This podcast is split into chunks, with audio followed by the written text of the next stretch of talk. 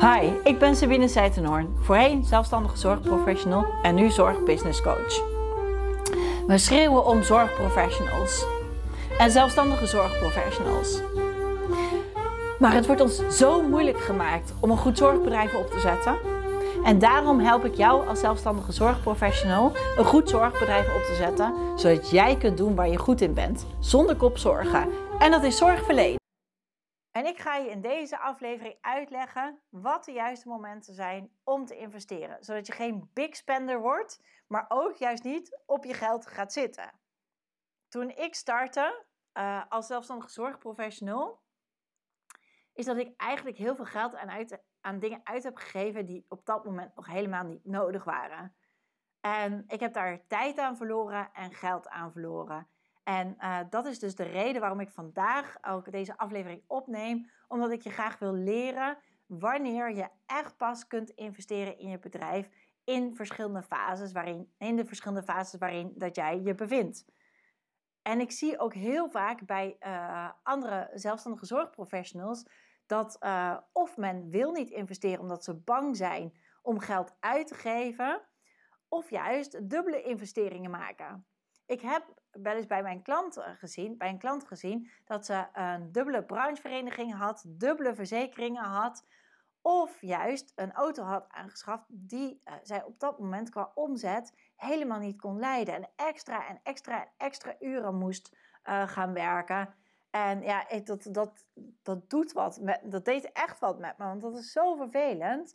Want al die extra uren die je dan gaat werken omdat je die investering gemaakt hebt, om die investering te kunnen blijven betalen, verlies je wel tijd aan het uh, tijd. Dan kun je geen tijd besteden aan je gezin of uh, aan je vrienden of juist je geld juist uitgeven aan leuke dingen. Het gaat erom dat jij dus uh, gaat kijken wanneer je bepaalde investeringen gaat doen en in welke fase van je bedrijf dat je zit en of dat die investering dus echt wel nodig is.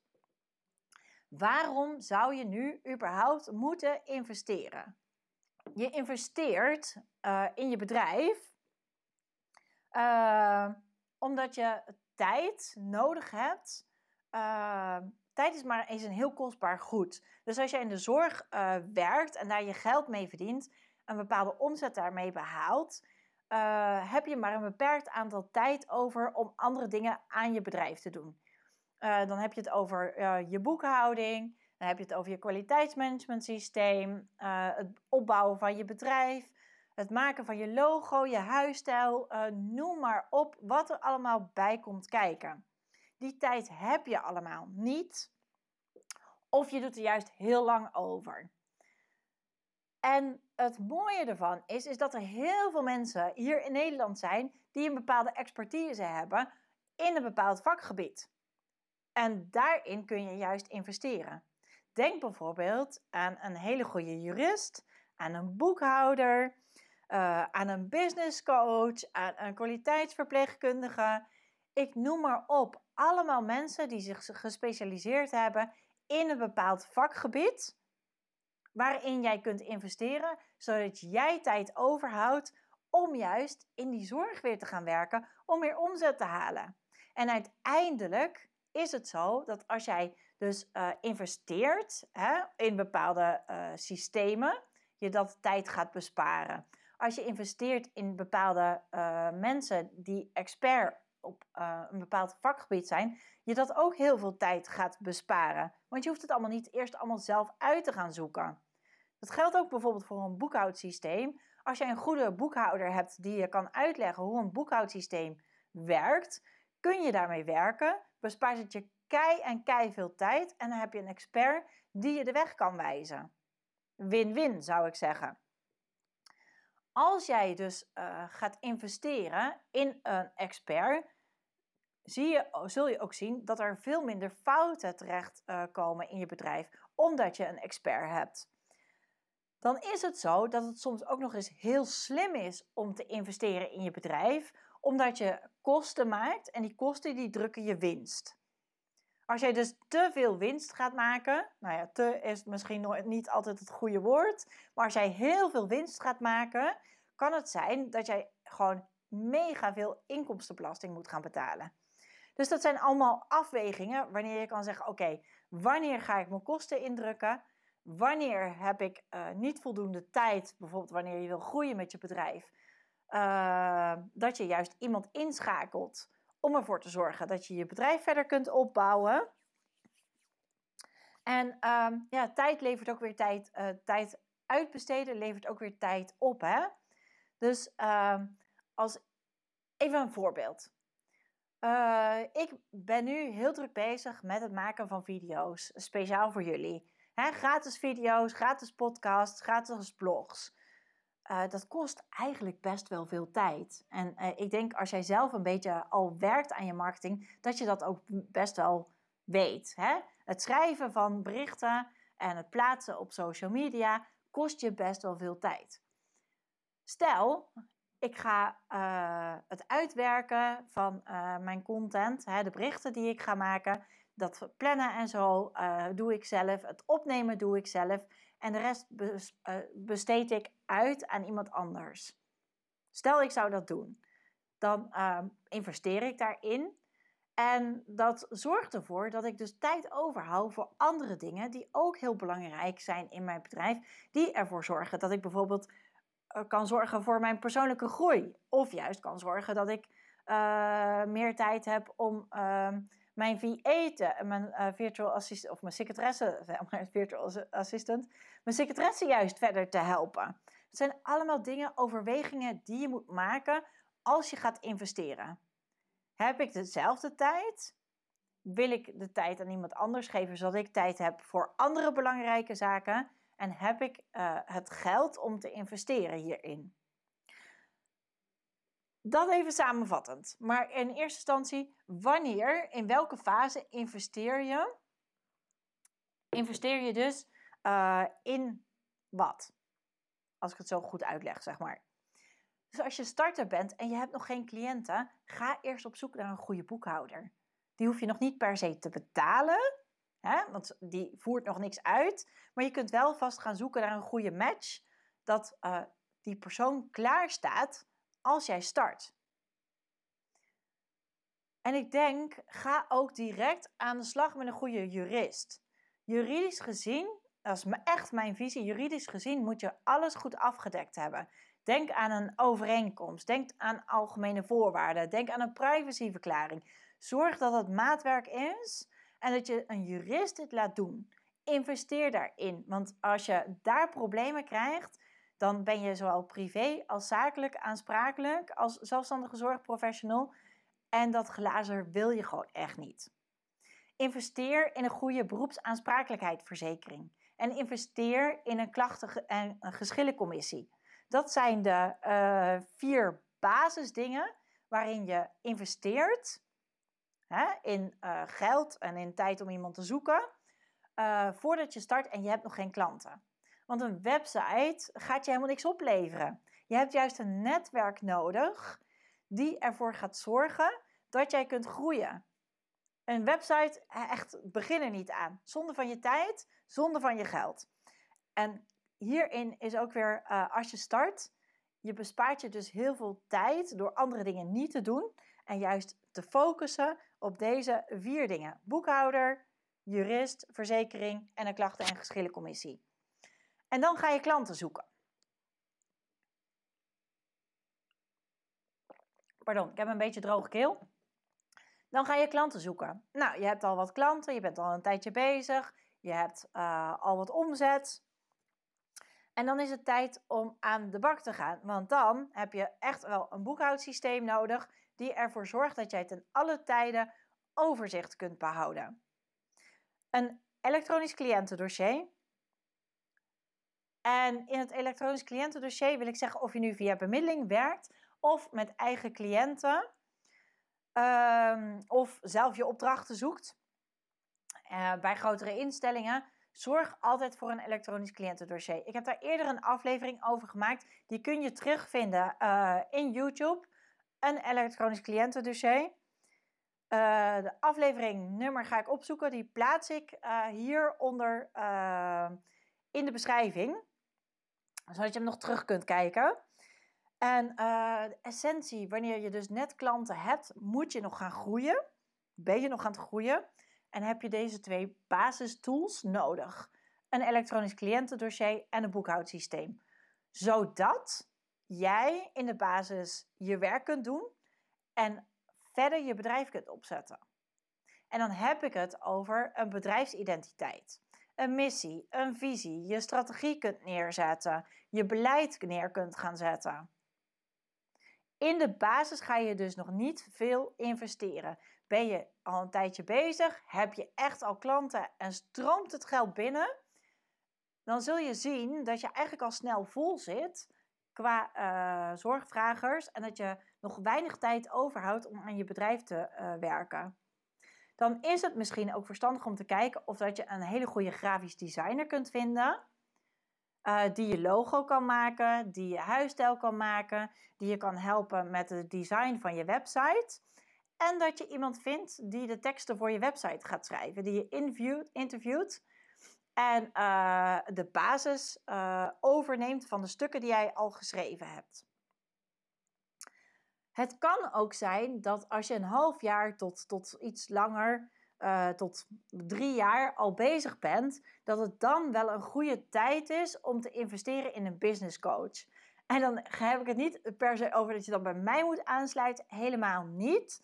Maar een goede business coach, een zorgbusiness coach, die uh, heeft al heel veel dingen uitgezocht wanneer het gaat over wetgevingen, over hoe je een kwaliteitsmanagement systeem moet, op, uh, hoe je kwaliteitsmanagement systeem moet opzetten, hoe je beleid moet opschrijven. Die weet eigenlijk alles al over wat er nodig is over het opbouwen van een bedrijf.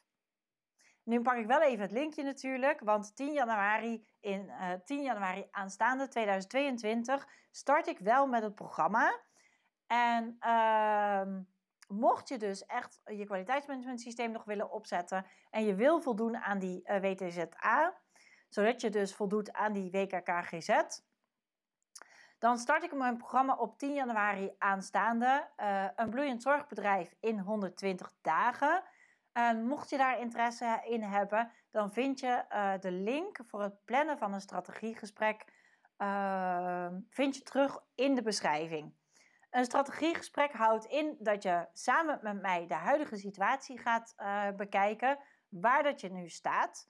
Dan gaan we kijken waar dat je heel graag naartoe zou willen en of dat het programma echt iets is waarmee ik je dus echt mee kan helpen. En of dat er tussen ons een match is. Dus uh, zou je graag willen starten met het programma Een Bloeiend Zorgbedrijf in 120 dagen, kun je een, uh, een strategiegesprek inplannen. Dat even terzijde. Uh, dus van een half jaar en of vanaf het moment dat jij echt wel een goede omzet hebt, 40 tot 50.000 euro, zorg voor een kwaliteitsmanagement systeem, een website, huisstijl, logo. Uh, en nog even een voorbeeld voordat ik het vergeet. Een systeem voor een kwaliteitsmanagement systeem, dat kan uh, dus eigenlijk iets zijn wat online is. Zelf bied ik dit aan mijn klanten ook aan, als in de zin dat dit een systeem is waar je uh, eigenlijk alles van je bedrijf in kwijt kunt. Uh, zodat het eigenlijk allemaal heel makkelijk terug te vinden is en ook makkelijk te evalueren is. Alles van je bedrijf kun je daar dus inzetten. Zie het als iets. Als je bijvoorbeeld vroeger bij je werkgever werkte, daar kon je eigenlijk ook alles gewoon digitaal heel snel terugvinden. Als een soort van intranet, maar dan anders. Wanneer je dus wil groeien, stel dat je wil groeien naar een thuiszorgorganisatie of naar een dagbesteding of uh, wil groeien als je uh, een, hoe heet dat?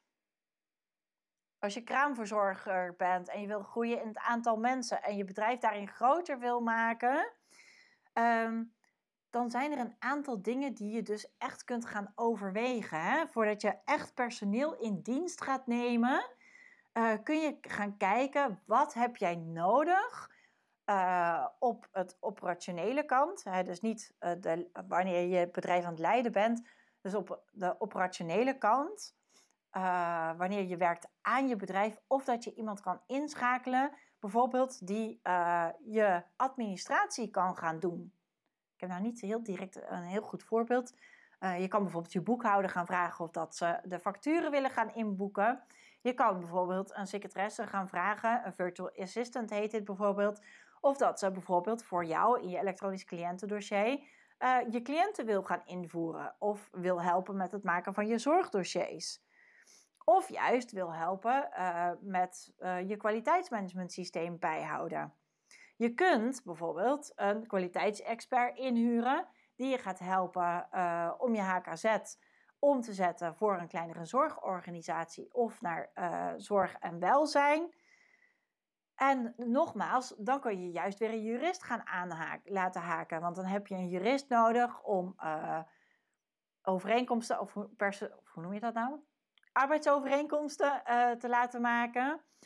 Medewerkers moeten ingeschakeld worden. Daar kan je ook nog heel veel over leren. Het zijn allemaal mensen die je bij kunnen helpen. Dus dat kan ook een coach zijn, maar ook juist een kwaliteitsverpleegkundige. Dus drie tot vijf jaar wanneer je wil groeien naar een thuiszorgorganisatie, dan is dat uh, zeg maar de basis.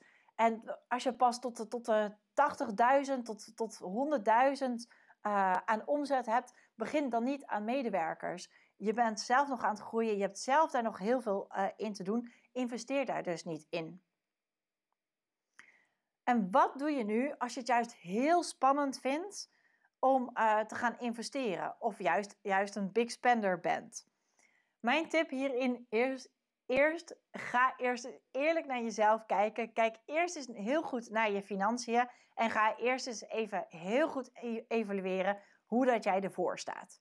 Evalueer in hoeveel tijd je ergens aan besteedt en of dat, dat echt wel nodig is. Of je daarin kunt schrappen. Of dat je juist iemand nodig hebt zodat je uh, tijd kunt besteden aan andere dingen. Kijk naar je mindset. Want dat vergeten we heel vaak als ondernemers. Je mindset is de manier uh, waarop je bijvoorbeeld naar jezelf kijkt of hoe je naar uh, geld uh, kijkt. Hè? Ik ben niet voor een, kwart, voor een dubbel, dubbeltje of voor een kwartje geboren. ik heb, het geld groeit me niet op, groeit me niet aan de boom. Ik ben heel slecht in spreekwoorden, blijkbaar.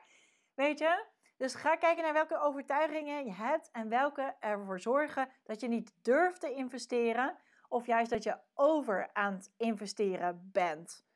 En werk dan aan je mindset. Zorg dat je die overtuigingen, uh, dat je ze overkomt, zeg maar.